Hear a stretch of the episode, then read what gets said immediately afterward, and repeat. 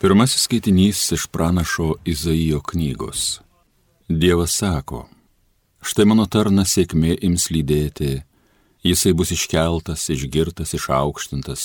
Kaip daugelis jo baisėjosi, kadangi jo išvaizda buvo nežmoniškai subjaurinta ir jo pavydalas nebepanašus į žmogų, taip jis nustebins daugel tautų, karaliai prieš jį neteks žado. Jie mat išvys, ko niekad nebuvo jiems apsakyta, išgirs, ko niekad nebuvo girdėję. Pranašas sako, kas patikėjo mūsų skelbimu ir kam apsireiškė viešpaties rankos galybė, prieš jį įsišauks kaip ūglis, kaip atžala iš išdžiūvusios žemės. Nebuvo jame išvaizdumo ir grožio, kad mes būtume į jį žvelgę. Nebuvo į ką pažiūrėti, todėl mes jo nepamėgome. Jis buvo paniekintas, žmonių atstumtas, skausmų vyras, pažįstantis kančią kaip toks, prieš kurį užsidengiamas veidas, jis buvo paniekintas. Taigi mes jo nebranginome. Tačiau jis mūsų negalės nešė ir mūsų skausmus ant savęs užsikrovė, o mes galvojame, kad jis paženklintas, Dievo prispaustas ir jo palauštas. Jis buvo perdurtas dėl mūsų piktadarybių, jis buvo sumuštas dėl mūsų nusižengimų. Bausmė ant jo krito mūsų išganimui ir jo žaizdomis mes išgydyti. Visi mes lyg avys buvome paklydę, kiekvienas savo keliu ėjo, bet viešpats jam leido savo prisimti mūsų visų kaltę. Jis buvo kankinamas, bet noriai pakluso, burnos nepravėrė, kaip tyli ėriukas vedamas pjauti, kaip tyli avis kerpama, taip jis nepratarė žodžio. Jis buvo išvestas iš areštinės ir teismo, Tačiau kas išaiškins jo kilmę? Jis buvo išplėštas iš šalies, kur gyvybė, už mano tautos nuodėmės buvo pasmerktas mirti. Kapą jam skyrė prie nusikaltėlių, laidojimo vietą prie turtuolių, nors jis nebuvo padaręs jokios neteisybės ir jo lūpose vyliaus nebuvo. Bet viešpats jautė palankumą savam sumuštajam, pagydė tą, kuris savo gyvybę aukojo už nuodėmes. Užtat jis matys palikonių, gyvens ilgą laiką. Per jį bus pasiekta, kas viešpačiui patinka. Po sielos vargų jis regės šviesą ir turės gausingą pažinimą. Dievas sako, būdamas teisus, mano tarnas daugelį nuteisins ir savo užsikraus jų kaltę. Todėl aš daugybę jam duosiu kaip dalį, Gausybę jis gaus kaip laimikį, nes jis davė mirčiai savo gyvybę ir buvo priskirtas prie nusikaltėlių. Tačiau jis nešė daugelio nuodėmės ir užsistojo už nusikaltėlius. Tai Dievo žodis.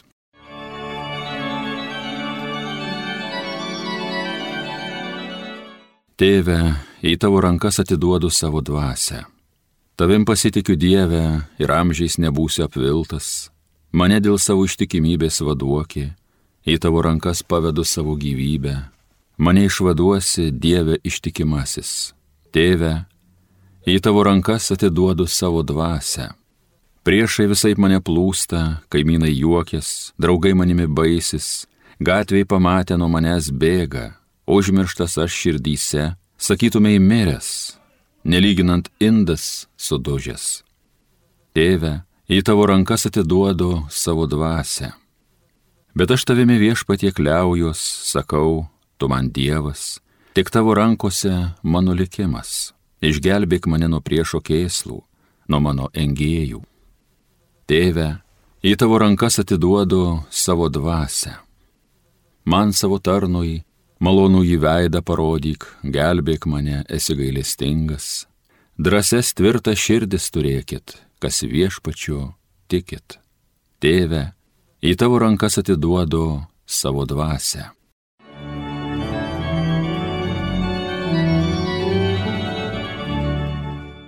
Antrasis skaitinys iš laiško žydams. Mes turime didį vyriausiai kunigą praėjusį pro dangaus Dievo sūnų Jėzų Taigi, tvirtai laikykimės tikėjimo. Mesgi turime netokį vyriausiai kunigą, kuris negalėtų atjausti mūsų silpnybių, bet kaip ir mes visai bandyta, tačiau nenusidėjusi. Todėl su pilnu pasitikėjimu artinkėmės prie malonės sosto kad pasiektume gailestingumą ir rastume malonę patirti pagalbą deramų laiku.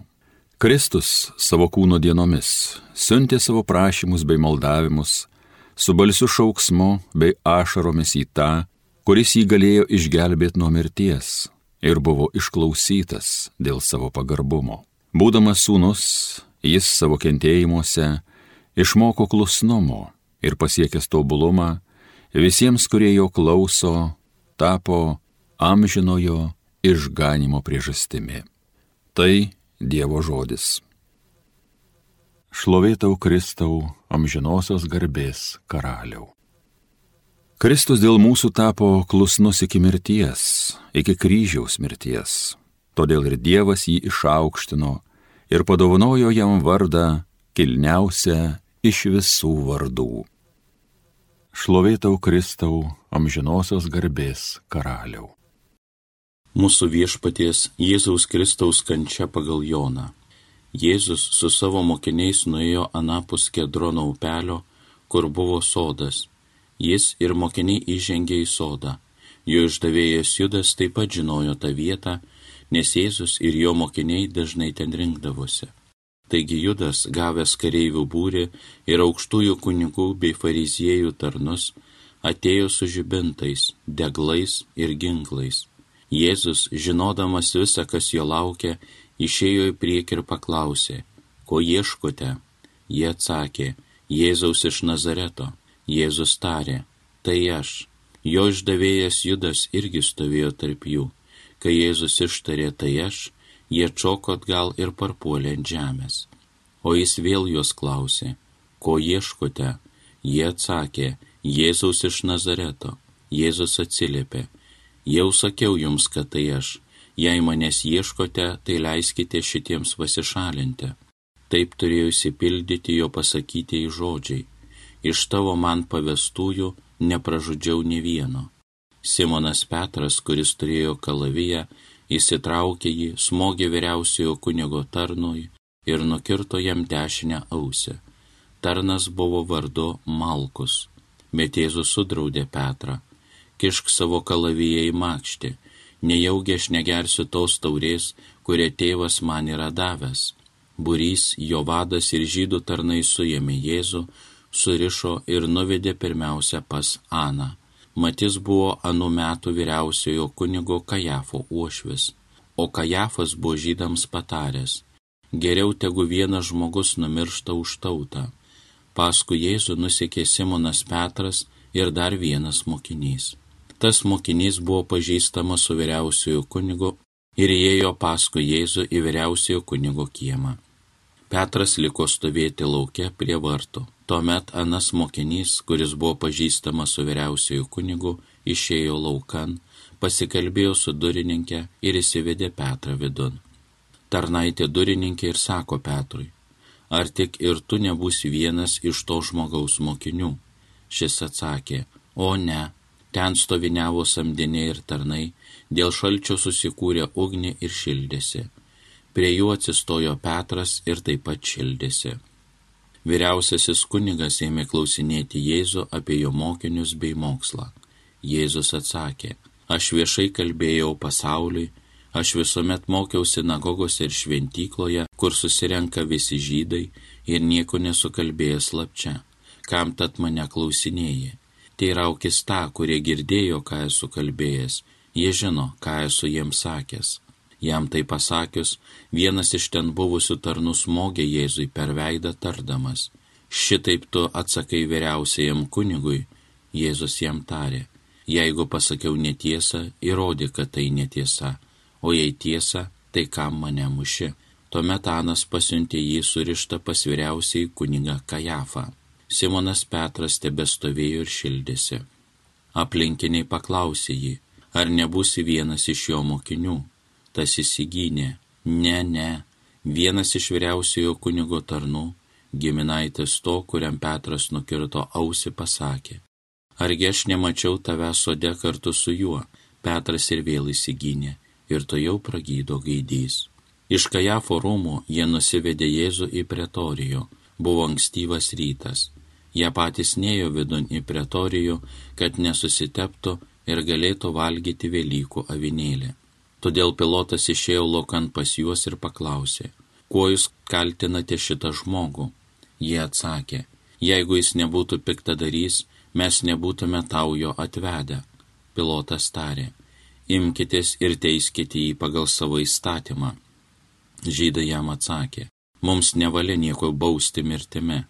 Taip turėjo įsipildyti Jėzaus žodžiai, kuriais jis buvo nurodęs, kokią mirtimį jam reikės mirti.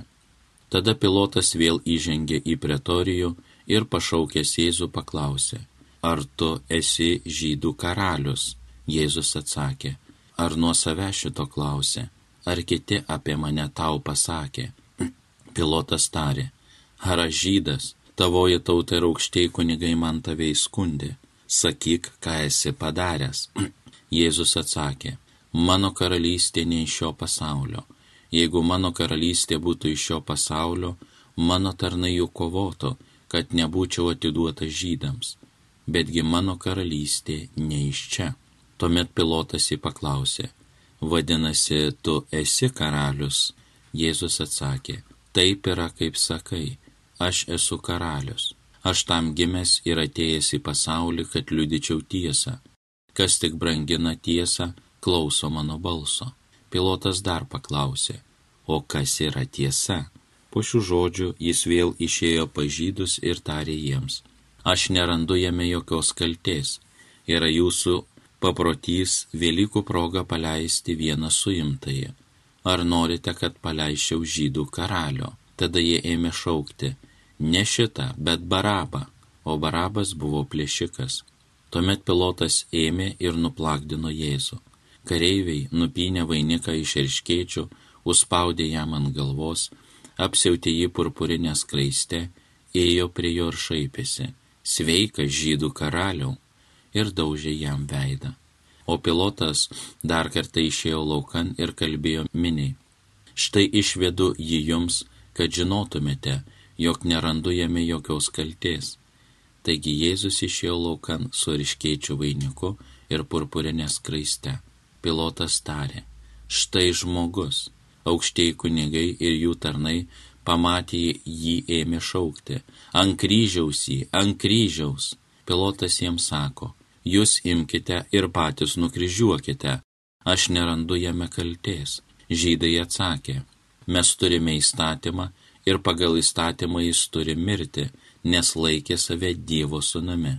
Išgirdęs šiuos žodžius, pilotas dar labiau nusigando. Jis vėl nuėjo į pretorių ir klausė Jėzų, iš kur tu? Bet Jėzus jam neatsakė. Tada pilotas tarė, tu nenori kalbėti su manimi. Ar nežinai, kad turiu galę tave paleisti ir turiu galę tave nukryžiuoti? Jėzus atsakė, tu neturėtų man jokios galios, jeigu tau nebūtų duota jos iš aukštybių. Todėl didesnė nuodėmė tam, kuris mane tau įdavė. Dabar pilotas ėmė stengtis jį paleisti, bet žydai šaukė, jei šitą paleisi, nebesi ciesoriaus draugas, kiekvienas, kas kelbėsi karaliumi, yra ciesoriaus priešas. Tai išgirdęs, pilotas įsivedė Jėzų laukan ir atsisėdo į teisėjo kėdę vietoje pavadintoje akmeninis grindinys hebrajiškai gabata. Buvo Velykų išvakarės apie šeštą valandą. Jis tarė žydams, štai jūsų karalius. Tėmė šaukti, šalin, šalin, ant kryžiaus jį. Pilotas paklausė, nejaugi aš turiu nukryžiuoti jūsų karalio. Aukštieji kunigai atsakė, mes neturime karaliaus, tik tai ciesorių. Tuomet pilotas atidavė jį nukryžiuoti. Taigi jie pasiėmė Jėzų ir įsivedė. Neždama savo kryžių, jis ėjo į vadinamąją kaukulės vietą, hebrajiškai Golgotą. Tenai prikalė jį prie kryžiaus. Kartu su juo kitus du, vienoje ir antroje pusėje, o Jėzų viduryje. Pilotas padarė kalties įrašą ir liepė prisekti prie kryžiaus. Ten buvo parašyta Jėzus Nazarietis, žydų karalius.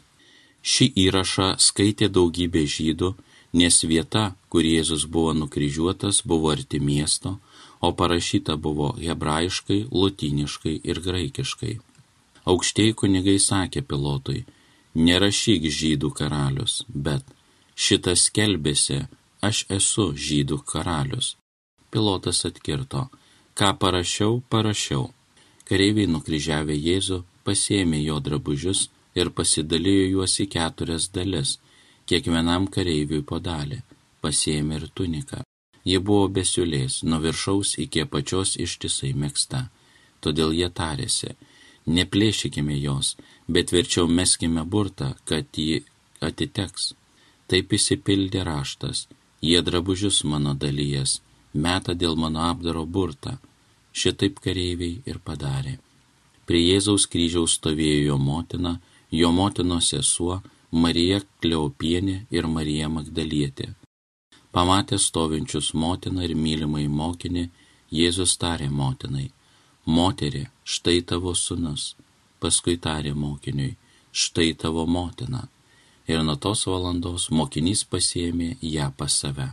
Tada, žinodamas, jog viskas įvykdyta ir kad įsipildyto rašto žodžiai, Jėzus tarė, trokštų. Tenai stovėjo indas, pilnas pergusio vyno Jie pakėlė ant įzopo lasdelės kempinę, pamirkytą vyne ir prinešė prie jo lūpų. Paragavęs vyno, Jėzus tarė, atlikta, ir nuleidęs galvą atidavė dvasę. Kadangi buvo prisirengimo diena ir žydai nenorėjo, kad kūnai liktų ant kryžiaus šeštadienį, nes tas šeštadienis buvo didelė šventės diena, Jie prašė pilotą, kad nukryžiuotėsiems būtų sulaužyti blausdikauliai ir kūnai nuimti. Tad atėjo kareiviai ir sulaužė blauzdas vienam ir antram, kurie buvo su juo nukryžiuoti. Prieė prie Jėzaus ir pamatė, kad jis jau miręs, jie nebelaužė jo blauzdų. Tik vienas kareivis jėtėmi perdurė jam šoną ir to jau ištekėjo kraujo ir vandens. Regėjusis tai paliudijo ir jo liudijimas teisingas, Jis žino sakas tiesą, kad ir jūs tikėtumėte. Taip įvyko, kad įsipildytų raštas. Ne vienas jo kaulas nebus sulaužytas. Vėl kitoje vietoje raštas sako, jie žiūrės į tą, kurį perdurė. Po to Juozapas iš Arimatėjos, kuris buvo Jėzaus mokinys, tik slaptas dėl žydų baimės, paprašė pilotą leisti nuimti Jėzaus kūną. Pilotas leido, jis atėjo ir nuėmė kūną. Taip pat atvyko ir Nikodemas, kuris pirmą kartą buvo atėjęs pas Jėzų nakčia. Jis atsikabeno apie šimtą svarų mirus ir alojas mišinio. Taigi jie paėmė Jėzaus kūną ir suviniojo į drobulę su kvepalais, kaip reikalavo žydų laidojimo paprotys. Toje vietoje, kur buvo nukryžiuotas Jėzus, buvo sodas ir sode naujas kapo rusys, kuriame dar niekas nelaidotas. Tenai jie ir paguldė Jėzų nes buvo žydų prisirinkimo diena, o kapas arti.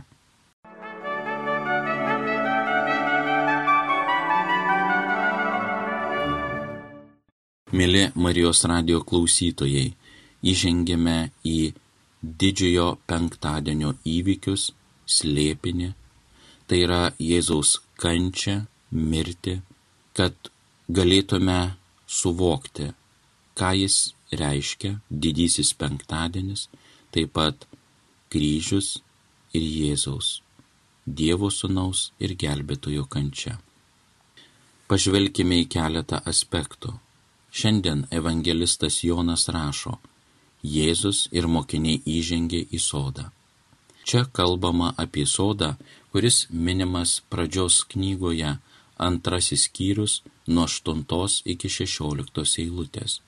Jono Evangelijoje kančios istorijoje veiksmas sugaišta į sodą, nes sode prasidėjo nuopolis ir sode prasideda išgelbėjimas bei išganimas. Ten, kur žmogus nusidėjo, ten antrasis Adomas, Kristus, vykdo savo atpirkimo ir klusnumo darbą. Sodas yra ne tik suėmimo, bet nukryžiavimo ir prisikėlimo vieta pirmą savaitės dieną prisikėlimas dar labiau sujungia su pradžios knyga.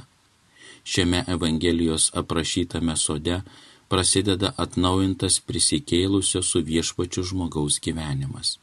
Tai pirmojo ir antrojo Adomo sodai. Pirmame sode mirtis kilo iš gyvenimo, pradžioje buvo gyvenimas, o iš jo neklusnumo kilo mirtis. O antrame sode gyvenimas ir prisikėlimas kyla iš mirties. Sodas tai vieta, kur pasaulis išdavė Dievą. Bet čia sodas taps naujos kūrinijos vieta. Apie tai aprašoma apreiškime Jonui 21 ir 22 skyriuose. Petras iš tiesų šitame sode pakartoja žmogaus neklusnumą. Juk rojaus sode taisyklės nustatė Dievas, o čia irgi taisyklės nustato Dievas, Jėzus. Ir jis nustato, kas čia ką turi daryti, o Petras neklauso Jėzaus. Nors su Jėzumi Petras praleido tris metus, bet dar kartą padaro neklusnumo nuodėmę. Todėl reikia žvelgti giliau. Priešiškumas Jėzui tai ne tik tie akivaizdžiai priešiškai nusiteikę žmonės, kurie atėjo jo suimti, bet ir tie, kurie sakosi yra kartu su juo. Ir jeigu tas lūžis neištiks mūsų tikėjimo gyvenime, tai gali būti, kad mes irgi būsime tokie pat kaip dabar Petras. Kai Jėzus sode pasako, aš esu, nors šiandien girdėjome kitaip išversta tai aš, tai vėliau, kai Jėzus suimamas, o Petras sekdama šalia įsigina ir visur sako, aš nesu. Tačiau Petras juk buvo mokinių mokinys, kuris įsigina savo mokytojo ir mokinystės. Turime nepervertinti savo jėgų, kad nenutiktų kaip apaštalui Petrui, ir vengti kompanijos, kuri provokuotų mus įsižadėti Kristaus, atsisakyti maldos, sekmadienių mišių ir kitų dalykų, kurie rodytų, kad mes esame Jėzaus mokiniai. Ta dažnai prisipažįsta jauni žmonės, kad jie bažnyčioje vienokie, o mokykloje ar savo pasaulietinėje aplinkoje kitokie. Ir jie nori visiems įtikti bei patikti, nes tas pasaulis dar nėra brandus nėra užaugusi drąsa atstovėti arba pasiryšti nebūti tose kompanijose, kur Jėzaus vardas yra žeminamas, niekinamas arba verčiama jo net įsižadėti. Mokinystėj labai svarbu pažeminimas ir klaidos patirimas, kad nebūtų didžiuojamasi savimi ir per daug pasitikima savo jėgomis. Mokinys seka todėl, kad patyrė Dievo meilę ir gailestingumą. Petro pažadinimas mokinystiai įvyksta su žodžiais ir to jau pragydo gaidys. Ir tuomet Petras galiausiai suprato, kad jis visą tą laiką nuo vakarienbučio priešinosi Jėzui. Jis iš tiesų jau tada buvo išdavęs savo mokytoją. Kol mes neišgyvensime savo tikėjimo kelioniai šitokio suklupimo bei mokinystės išbandymo, tai mums atrodys, kad mes Dievą sekame su lakuotais batais. Tai yra atradom, kad tai kažkaip vertinga, naudinga, patogu ir panašiai. Bet tol, kol mes nebūsime kažkur pabraidžioje su lakuotais batais po purvą ir supratę, jog vis tiek kažkaip, kad su tuo, su kuriuo mes einame, įsaugoja mūsų orumą ir garbę, savo kainą, mes tikro to mokinystės sėkimo nei patirsim, nei galėsime paliudyti. Kodėl myliu Jėzų? Todėl, kad jis myli mane, tada, kada aš mažiausiai tos meilės buvau vertas. Amen.